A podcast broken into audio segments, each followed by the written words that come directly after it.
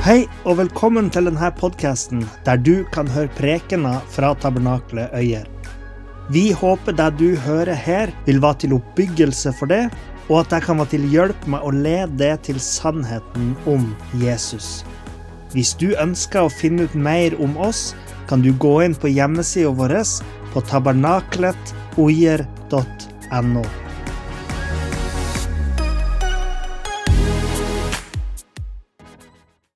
OK.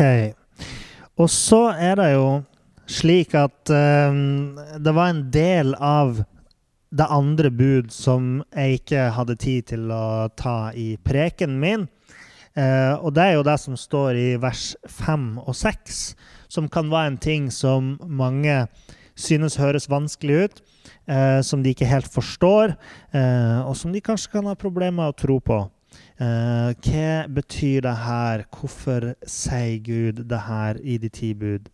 Det står altså sant, Det andre budet er du skal ikke falle ned uh, Nei, du skal ikke lage deg noe utskåret bilde, noen etterligning av noe som er i himmelen der oppe, eller på jorden her nede, eller som er i vannet under jorden. Du skal ikke falle ned og tilbe dem eller tjene dem. Og så kommer det her som vi ikke hadde uh, kommentert på søndag. For jeg Herren din Gud er en nidkjær Gud, som hjemsøker fedrenes skyld på barna i tredje og fjerde slektsledd når de hater meg, og som viser barmhjertighet mot tusen slektsledd når de elsker meg og holder mine bud. Det folk kanskje tenker på når de hører det her, eh, som de spør seg sjøl, er hvordan kan Gud straffe ungene i flere slektsledd for noe som faren har gjort. Og videre, hvordan kan det være sånn at Gud velsigna i tusen slektsledd eh, bare fordi én person trodde? Så kan, altså, Selv om ungene, etterkommerne i tusen slektsledd, er, er ond som bare det, hvorfor, hvorfor eh, viser Gud barmhjertighet mot dem når de åpenbart ikke holder seg til Gud? OK. Vi kan faktisk eh, hoppe fra andre Mosebok til Esekiel. Eh, Esekiel eh, kapittel 18.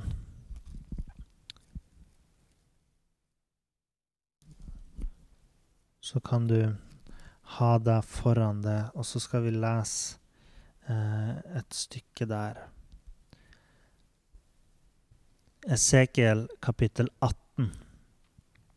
For Esekiel han skriver det er nærmest som en kommentar til det her budet. Um, og det begynner jo sånn her. Uh, Herrens ord kom til meg. Jeg leser fra Bibelen 2011. Uh, eh, Herrens ord kom til meg. Hvordan kan dere bruke dette ordtaket i Israels land? Fedrene spiser sure druer, og barna får dårlige tenner. Ikke sant? Ordtaket er jo litt det vi tenker, det vi assosierer med at uh, han hjemsøker fedrenes skyld på barna i tredje og fjerde slektsledd. Altså at fedrene, når fedrene spiser uh, sure druer, så er det ungene som får dårlige tenner. Sånn ungene straffes for det foreldrene har gjort. Så sant jeg lever, sier Herren Gud. Dere får ikke bruke dette ordtaket mer i Israel.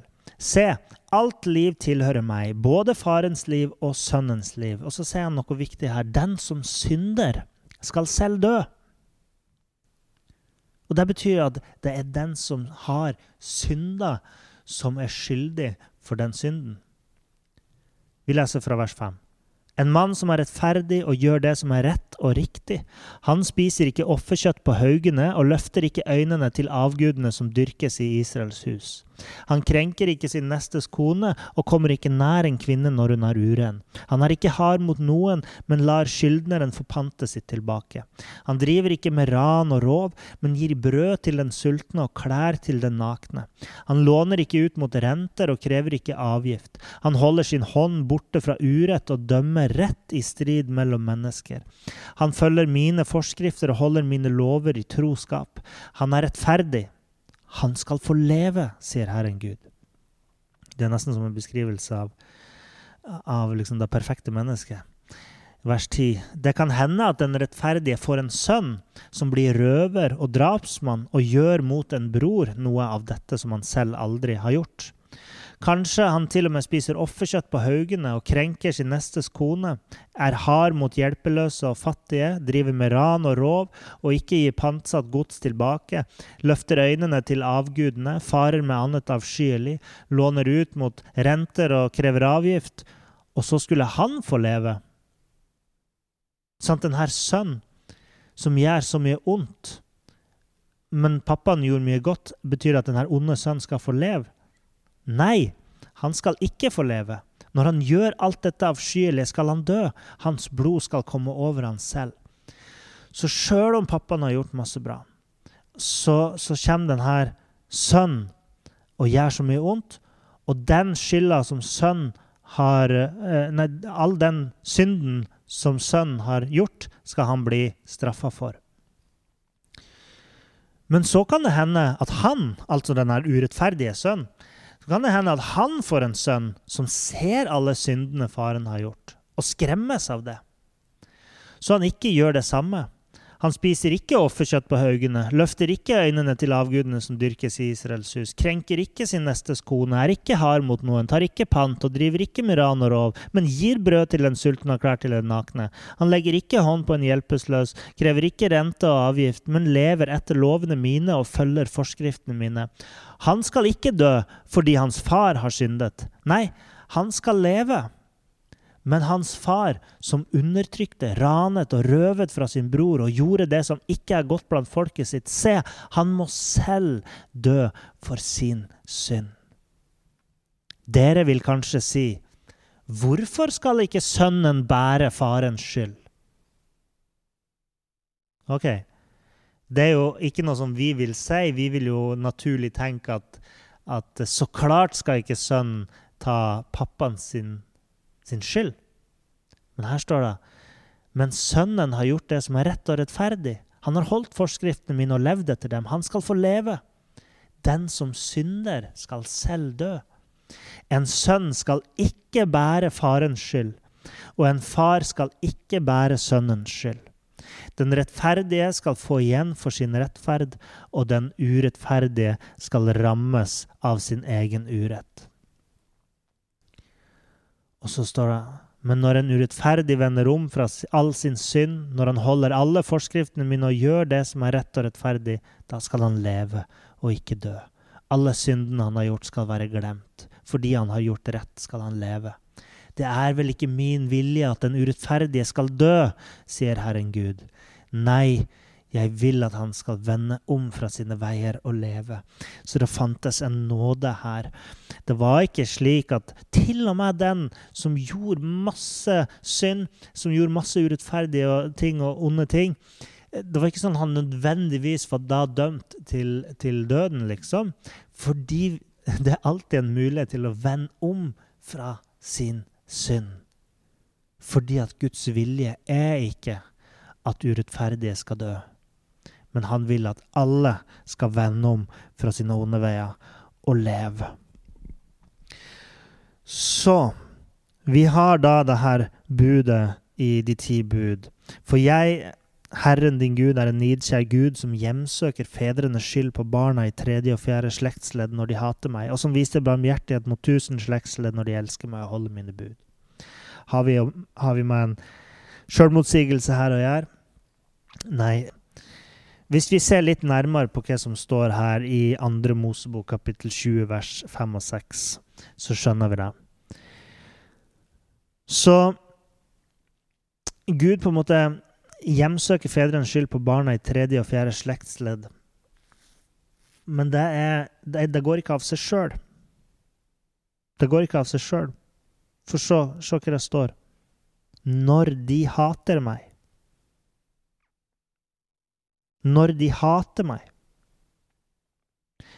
Det, det, er liksom kravet, da, for at Gud skal la fedrenes skyld komme på barna. Det er ikke fordi at en av fedrene har gjort noe gærent, at ungene i tredje og fjerde slektsledd har synd. Og jeg tror ikke vi skal ta tredje og fjerde slektsledd sånn helt um, helt bokstavelig, men det tenker jeg betyr bare de som kommer etterpå. Det er, det er på en måte Ungene som hater Gud, de pådrar seg den samme skylden som fedrene. Sant?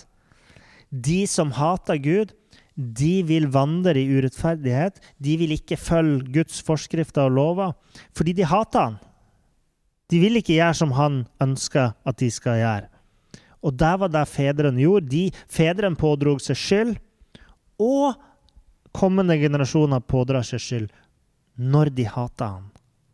Når de hater han.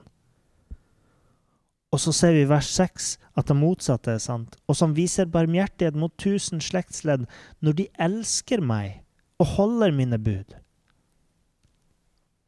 Så der òg er det liksom eh, at de får velsignelse, eller Gud viser barmhjertighet mot dem når de elsker han, når de holder hans bud. Så det er ingen automatikk i det at eh, tusen slektsledd får, eh, blir vist nåde og barmhjertighet fra Gud bare fordi en forfader sant, for tusen år siden eh, hadde trodd på Gud og gjort etter hans vilje. Men når de fortsetter i det, så er det sant. Og det her kan man jo se rent praktisk i, i vår verden, ikke sant? Og, og Esekiel han, han skriver jo på en måte om det. Um, at det foreldrene våre gjør, det kan ha stor innvirkning på hvordan vi lever livene våre.